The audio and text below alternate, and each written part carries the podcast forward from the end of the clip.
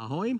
Mám tady nové téma, eh, budeme mluvit o modlitbě. Modlitba eh, je něco, co eh, patří do křesťanského života asi nejvíc mimo Bibli, co si dokážeme představit protože modlitba je naše komunikace s Bohem. Já jsem uvěřil, já nejsem z křesťanského prostředí, když jsem uvěřil, tak pro mě všechny tady ty věci byly nové.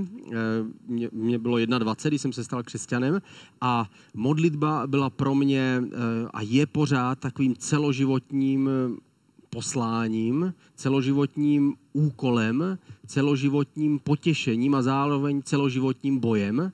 Modlitba je něco, co provází, prochází celý můj křesťanský život. Když jsem byl kazatel v, ještě v Kroměříži, pak v Brně, pak v Praze, eh, pak jsem nebyl kazatel pár let, teď zase znova jsem. Eh, a modlitba jakoby prochází jako taková linka mým životem.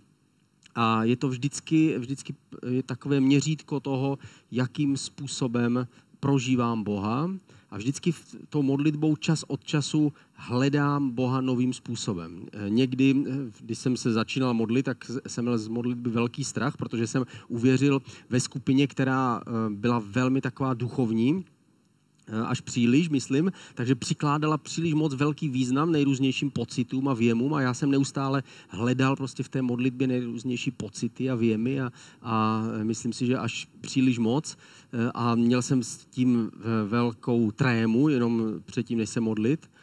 Pak jsem se to naučil, ale jako to ze vším v životě je, vždycky, když se něco naučíme, tak po čase máme pokušení sklouznout do toho, že to je jenom takový taková součást našeho života, které už nepřikládáme takový význam. A jestliže něčemu nedáváme pozornost, tak ta věc nemůže růst. Na rozdíl třeba od, tohoto, eh, od té rostliny. Té my nedáváme žádnou pozornost a ona roste dál. Ale normální rostliny, těm musíme věnovat nějakou péči, jestli máme doma ve svém bytě, musíme je zalévat, musíme se o ně starat, nesmí na ně moc svítit slunce, nesmí zase být někde pod mě jestli, jestli chceme, aby nám přinesli takovou radost, jaké, jakou chceme, aby přinášeli. Stejně je to i s duchovními věcmi v našem životě. Jestliže modlitbu necháme příliš dlouho v koutu, tak potom se to stane něčím, co nás bude strašit. Jestli modlitbu příliš moc vystavíme horku, tak pak se trochu přepálíme a pak se od toho budeme chtít odpočinout na pár let, což je taky dobrá zkušenost.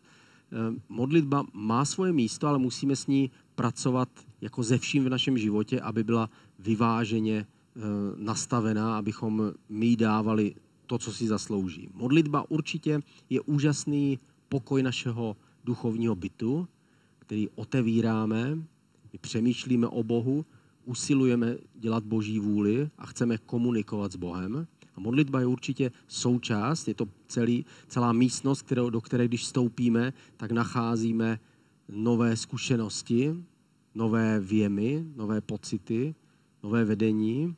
A modlitba určitě je něco, kde můžeme růst. Jestli si myslíme, že už všechno jsme se odmodlili a že, že to, ta modlitba, jaký známe, takže to je vše, tak to není vše. Je to stejné jako, jako z Biblii. Když si myslíme, že už všechno známe, tak tehdy stojíme vlastně na tom ledu, který potřebujeme prolomit a dostat se znova k té čerstvé vodě. Stejné je to s modlitbou.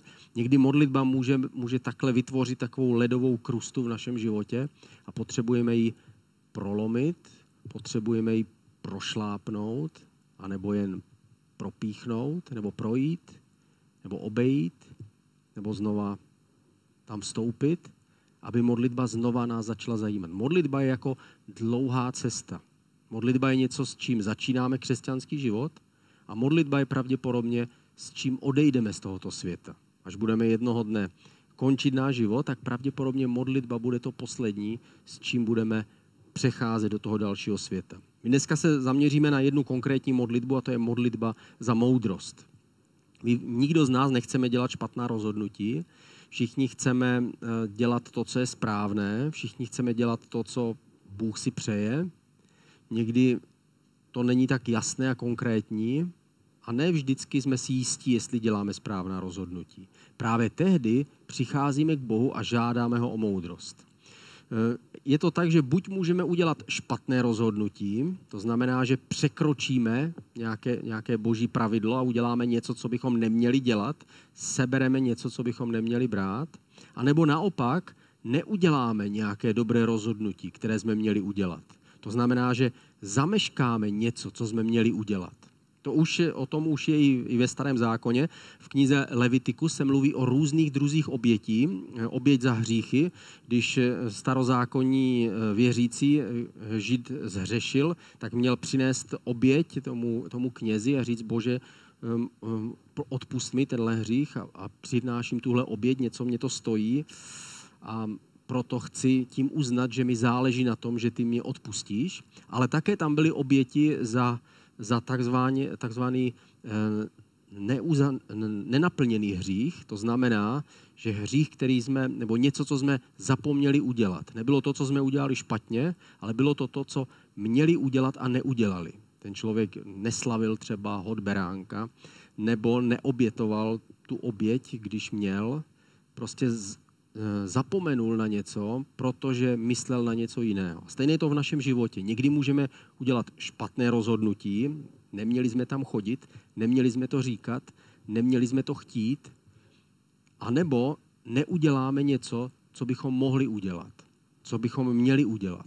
A v tom také potřebujeme mít moudrost, abychom se vyhýbali věcem, které jsou špatné, ale naopak, abychom se nebáli vstupovat do těch věcí, které jsou správné.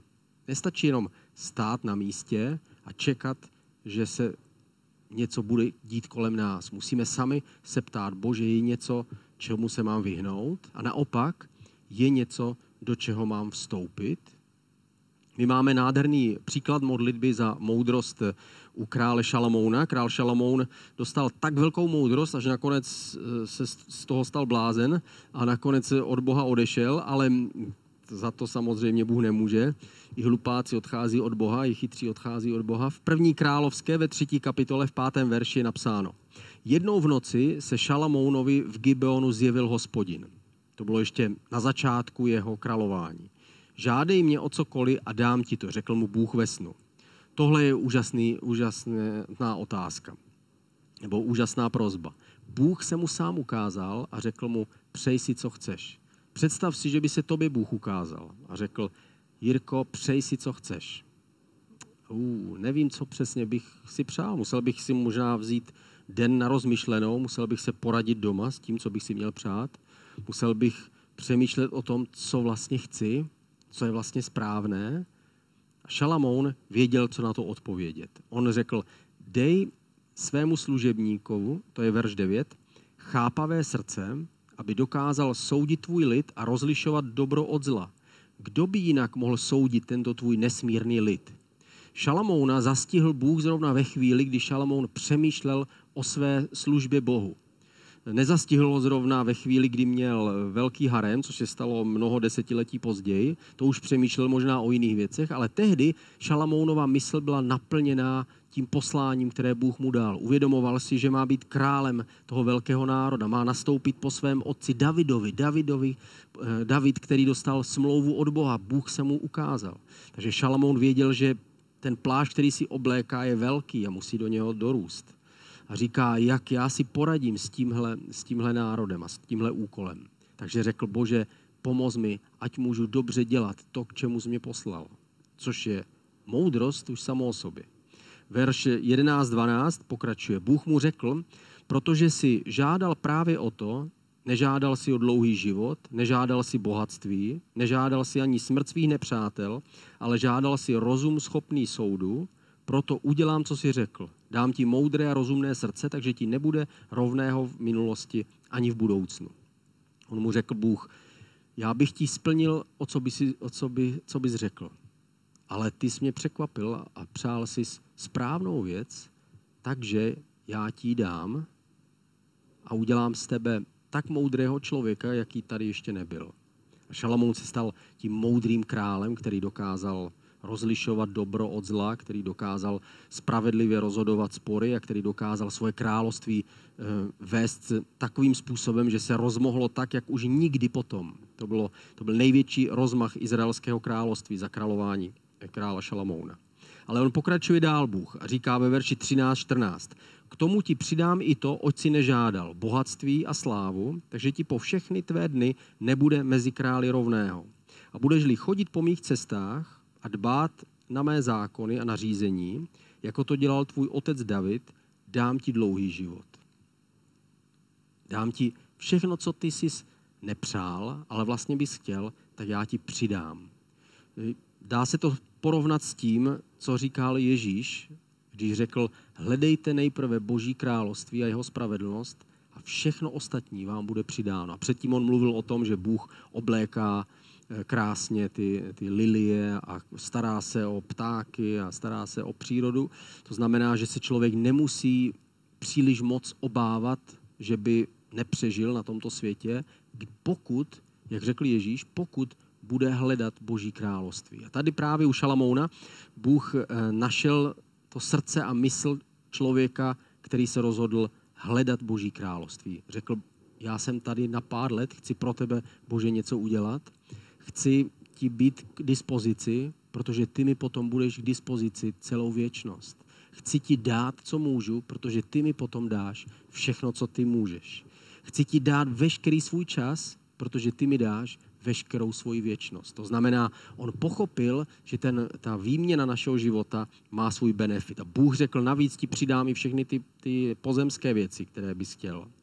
Eh, a modlil se správným způsobem. Stejně jak o tom píše Jakub v první kapitole, v pátém verši, schází-li někomu z vás moudrost a žádá Boha a ten mu ji dá, je přece štědrý ke všem a bez výhrad. To znamená, Bůh nám dává moudrost. Když potřebujeme, někdy to není tak, že Bůh mluví eh, k nám, jako když se zjevil Šalamounovi. Bohužel ve většině případů to tak není. On nás nechává žít náš život, nezasahuje neustále svým zjevováním se, ale chce, abychom žili svůj život, žili ze svých vlastních rozhodnutí, nesli zodpovědnost sami za sebe a abychom dělali jemu slávu a jemu čest. Znamená to, že potřebujeme nějakou praktickou moudrost k jednotlivým krokům. Někdy se to dobře říká, o, Šalamoun ten měl moudrost, Šalamounovi mluvil Bůh, ale jak se mám teď zrovna rozhodnout? Jak se mám rozhodnout v téhle věci?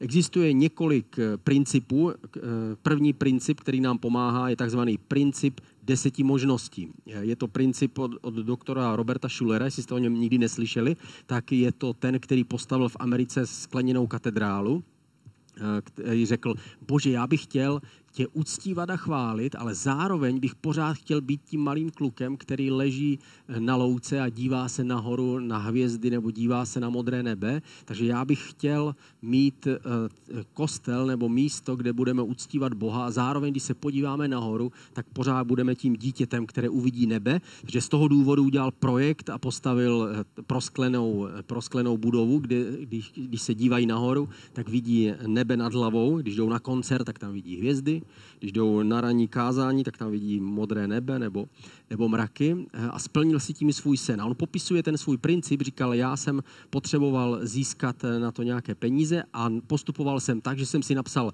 deset možností, jak k tomu dosáhnout. Ty můžeš postupovat podobným způsobem. Vem si papír, napíš si deset možností. První možnost je, on napsal první možnost, někdo přijde a dá mi 100 milionů dolarů. Druhá možnost. Přijde 10 lidí a každý mi dá 10 milionů dolarů. Třetí možnost. A tak pokračoval dál, až přišel do bodu, prodám všechno, co má a tak dále. Prostě dával tam různé možnosti. 10 možností je hodně. Když si napíšeme před nějakým krokem jenom pět možností, tak na to někdy potřebujeme fantazii. Já jsem takhle postupoval, když jsme v Praze, eh, když jsme v Praze dělali ICF a pak jsme dělali eh, projekt Kostel na lodi, to znamená koupili jsme loď, která byla plná vody, která byla stará, už dávno eh, nebyla k ničemu. Přivedl jsem tam jednoho člověka ze Švýcarska, řekl jsem mu, tak a tohle bude naše místo, kde budeme mít církev. On řekl, hm, paráda, můžu ti na to něco říct? Co? co? Jsi naprostý šílen, to prostě nikdy se nestane, to ta loď se potopí, jako to, ne, to nebude vůbec fungovat. Takže jsem řekl, dobře, musíme k tomu nějak dojít a použil jsem právě ten princip deseti možností a napsal jsem si deset různých možností, jak bychom tu loď mohli opravit. Možnost číslo jedna přijde kouzelník a dáme milion korun. Možnost číslo dva, přijdou dva kouzelníci. Možnost číslo tři, pomůžou nám lidi. Možnost číslo čtyři, uděláme to sami. Možnost číslo pět, zavoláme si z Holandska chlapa, který a, a tak dále. Začal jsem přemýšlet, jakým způsobem bychom mohli, mohli to udělat, až nakonec ten projekt se stal skutečností. Zkuste se teďka podívat, pustíme vám krátké video, dvě minutky nebo dvě a půl minuty, který ukazuje historii toho projektu. My jsme koupili tu loď, byla, byla plná vody, eh, díra, byla, díra v té lodi byla zakrytá tak, že tam byla velká betonová kostka, kterou tam vylili eh, v rohu, protože nechtěli plátovat tu loď, takže ji zabetonovali tu díru. A my jsme tuhle loď vzali a postupně krok za krokem během několika let jsme ji eh, upravili, vždycky to mělo pár takových zastavení, kdy jsem si musel udělat eh, princip deseti možností a říct si, co teď udělat. Pamatuju si na jednu věc, kterou jsme udělali. Udělali jsme klub lidí, kteří dají 50 tisíc korun eh, na, na opravu té lodi. Přišel za mnou jeden člověk a řekl, já nesu 50 tisíc. Jsem říkal, a kde, kde ty jsi je vzal? A on říkal, my jsme měli svatbu teďka, jo, jsem říkal, no to vím. No a my jsme se rozhodli, že nebudeme mít hostinu a ty peníze, které ušetříme, tak dáme prostě na tu loď. Říkal, to je na, krása. Takže nakonec jedna z těch možností bylo to, že jsme peníze jsme nějak schromáždili, nakonec dali dohromady a ten projekt eh, proběhl. Pojďme se na to podívat. Další princip, který, na který se podíváme, je princip plusů a mínusů. To je velice praktická věc, která nám pomáhá zapojit takovou praktickou moudrost pro rozhodování, kdy si píšeme, eh, jaké to má plusy, jaké to má mínusy. Třeba když se stěhujeme. Ne vždycky to stěhování je v nějaké konkrétní boží vůli. Ne vždycky Bůh má konkrétní názor, kde máme bydlet, kde má, co máme dělat, v jakém zaměstnání máme být. Někdy to tak může být, potom nám to zjevuje, ale ve většině případů my sami hledáme podle toho, co je v nás, podle toho, co chceme a podle toho, abychom věděli, co je, co je eh, v součástí nějakého božího záměru s naším životem. Takže plusy a mínusy znamená, že si na jednu stranu papíru napíšeme plusy, to znamená, co to bude, když budeme bydlet v bytě. My jsme tohle dělali, když jsme se stěhovali kdysi dávno do Prahy a uvažovali jsme o tom, nemáme moc peněz, můžeme si koupit buď byt v Praze, anebo si postavíme dům, ale bude od Prahy někde dál. Takže jaké to má plusy a mínusy? Takže plus, když budeme bydlet v Praze, bude to kousek na metro. Další plus, eh, budeme vědět, co sousedí vaří. Další plus, můžeme plivat z balkónu. Další plus, eh, můžeme mít kousek na náplavku. Mínusy, víme, co sousedí vaří. Další mínus. Někdo na nás může plivat z balkónu nad námi. A prostě jsou tam samozřejmě nějaké mínusy. A stejně tak s domem. Plusy u domu. Jaký má plus, jaké má plus, když budeme bydlet za Prahou. Úžasný. Sedne, sednu do auta a za hodinku jsem jako na dovolené. Není tam žádný provoz, žádní pražáci, žádná náplavka, nic. Příroda, kos, ptáci, modřín, tráva, nádhera. Eh, má to svoje mínusy. Budu muset jezdit každý den hodinu tam a hodinu zpátky, budu muset mít auto, budu muset umět eh, přehazovat pneumatiku, budu muset nezapomí, zapomí, nezapomínat eh, doplňovat olej, nesmím zapomínat na to, že čas od času to auto se rozbije, bude to stát víc peněz a tak dál. A musím si tyhle plusy a mínusy dát na jednu a na druhou stranu a pomalu, ale jistě se modlím a začne se z toho vynořovat to, co pro mě bude to správné rozhodnutí. Třetí princip, který máme, je princip, kdy se zeptáme těch správných přátel o radu. My se můžeme zeptat různých lidí o radu, ale je důležité zvolit si ty správné přátele. To znamená, ty na jejich životech vidíme to, co bychom také chtěli mít. To znamená, pokud se jedná o vztahy, třeba o manželství nebo o chození s někým nebo o partnerství, tak je dobré se, se ptát ne toho, kdo má za sebou eh, nějaké neúspěchy nebo rozvody, nebo není v tom úspěšný. Podobné je to v, i v jiných oblastech, v duchovní. Na duchovní radu se budu ptát člověka, který za svým životem má nějakou dlouholetou službu Bohu a je vidět, že je konzistentní a že to dělá s nějakým záměrem, že ví, co dělá. To znamená, ptám se správných lidí. Říká se takové, takové jednoduché pořekadlo, ukaž mi své přátele a já ti ukážu tvou budoucnost. To znamená, ukaž mi, s kým trávíš nejvíc času tak tam tím směrem pravděpodobně podvědomně budeš sám směrovat. My máme v ICF takový systém eh, vedení, že my vlastně, eh, já jsem, jsem pastor, eh, ale zároveň máme tým, kterému říkáme core team, je nás tam víc, kde společně se bavíme o nejrůznějších věcech plánujeme společně věci a vždycky já se snažím připravit, přinesu tam, přinesu tam nějaký názor, nějaký návrh a ne vždy ten návrh musí být nutně přijatý. Když, když, jsme, když jsem byl v Praze a bylo, byla ta církev větší, tak jsme měli eh, jeden tým, který nám pomáhal dávat dohromady jenom třeba kázání a témata na neděle. A pamatuju si, jak jsem tam jednou přišel a říkal jsem, mám skvělý nápad, eh, mám, chtěl bych pozvat tohle konkrétního hosta. Řekl jsem, byl to nějaký křesťanský hudebník, kterého jsem chtěl pozvat. A viděl jsem, jak tváře většiny těch lidí se zachmuřily a řekli, ne, to ne, ten je nudný. Uh. Mně nepřišel nudný, ale ostatním ano, takže jsem rád, že jsme ho nakonec nepozvali. Tým nám vždycky pomáhá v tom, abychom udělali dobré rozhodnutí. Takže někdy je dobré si takový tým vytvořit, když se rozhoduje něco v našem životě. Poslední čtvrtý princip je princip stanovení si lhůty. Tenhle to je trochu citlivé, protože tu lhůtu si stanovujeme my sami. To znamená, budu ji žádat o ruku ještě třikrát dvakrát, jednou. Já jsem, když jsem, když jsem byl mladý, tak jsem eh, žádal o ruku jednu dívku a eh, říkal jsem si, jak dlouho jsem o tom přemýšlel? Přemýšlel jsem o tom asi tři týdny, než jsem mi řekl, že bych chtěl s ní chodit a chtěl bych si ji vzít a chtěl bych s ní mít děti, chtěl bych s ní zestárnout, chtěl bych ní zemřít, jak to, jak to prostě my křesťané bereme ze vším všudy. A přišel jsem za ní, řekl jsem mi to, ona řekla, fů, to mě nikdy nenapadlo, jako ne, díky moc, buďme kamarádi. A ta touha ze mě okamžitě se odešla, byla pryč, bylo to ukončeno. Ale musel jsem si říct, já už ji musím oslovit, jinak už jsem v hlavě spřádal nejrůznější plány, kde budeme bydlet, kam budeme jezdit na dovolenou, jo, kdy si nechám narůst první knír, prostě tady ty věci, které jsou, které jsou spojené, prostě důležité věci v manželství. Proto je důležité před nějakým rozhodnutím nebo před nějakým krokem si dát nějaký, nějakou deadline, nějakou lhůtu. Pokud se to nestane třeba. Eh, slyšel jsem příběh, eh, kdy misionáři eh, žádali o víza do Spojených států amerických. Žádali, podali si žádost a nebyla a nic, neslyšeli žádnou odpověď.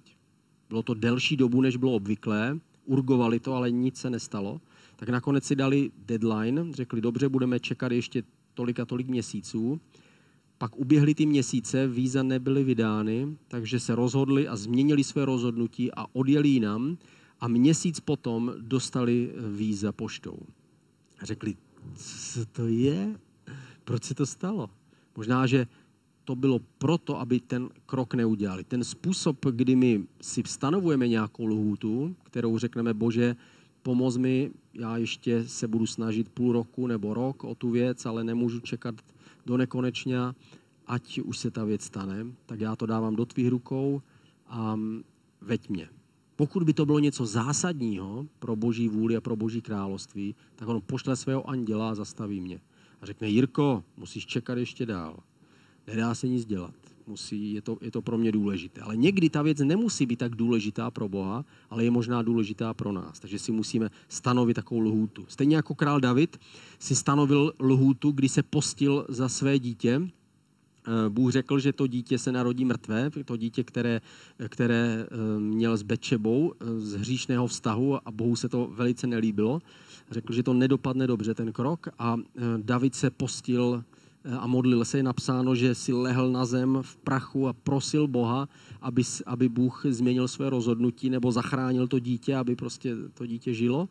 Eh, pak se narodilo to dítě, přišli k němu, řekli, dítě zemřelo. Eh, a David okamžitě vstal, umyl se, najedl se a, eh, a začal, vrátil se k normálu. Měl stanovenou nějakou lhůtu, která se naplnila. Řekl, dokud to dítě bude žít, tak já se budu modlit, než to bude rozhodnuto. A potom skončí. Stejně je to s námi, stanovení lhuty je na nás. Eh, my si někdy musíme říct, co je třeba. Ve Filipenským, to je poslední verš, druhá kapitola, 13. verš. Bůh sám totiž ve vás působí, abyste nejen chtěli, ale i dělali, co se mu líbí. To znamená, Bůh nejenom působí co si přejeme, ale musí způsobit i to, že se to stane. Někdy můžeme mít nereálné sny. Někdy můžeme mít příliš velké očekávání od sebe anebo od světa kolem nás. O, já bych chtěl ale být to a to, já bych chtěl mít to a to, já bych chtěl. Ať už jsou to věci duchovní, co se týče služby Bohu, anebo praktické, co se týče našeho života. Někdy potřebujeme se vrátit do reálu, pokořit se, stejně jako Mojžíš.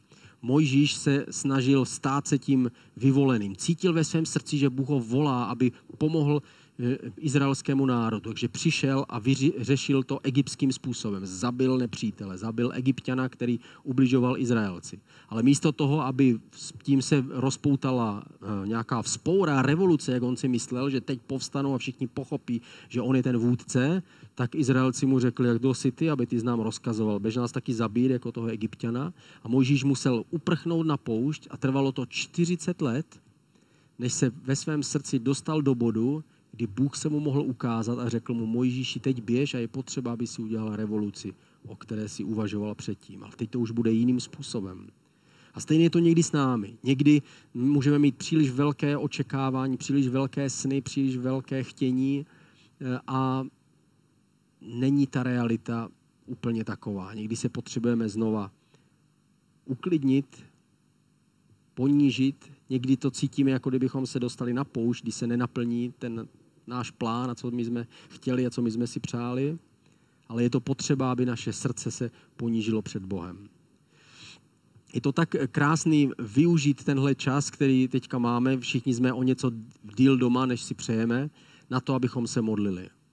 Modlitba je něco uh, úžasného a není nic nádhernějšího, než se stišit před Bohem, očekávat na to, že On přijde ze svojí přítomností pozvat ho do svého života a zkusit o pět minut, o deset minut se modlit déle a očekávat, že Bůh ke mně přijde novým způsobem. Chtěl bych tě k tomu povzbudit a chtěl bych tě k tomu vyzvat. Ježíši, tak já ti děkuji za to, že ty jsi s námi a že ty nás neopustíš a pomoz každému z nás, kdo chceme udělat to rozhodnutí a chceme ti dát víc svého času, víc svého srdce, víc svého života, najít tě novým způsobem. Já se modlím za všechny, kdo, kdo chtějí ve své modlitbě tě zažít nově, aby ty si našel, aby ty s ním promlouval, aby ty zjevedl. Amen.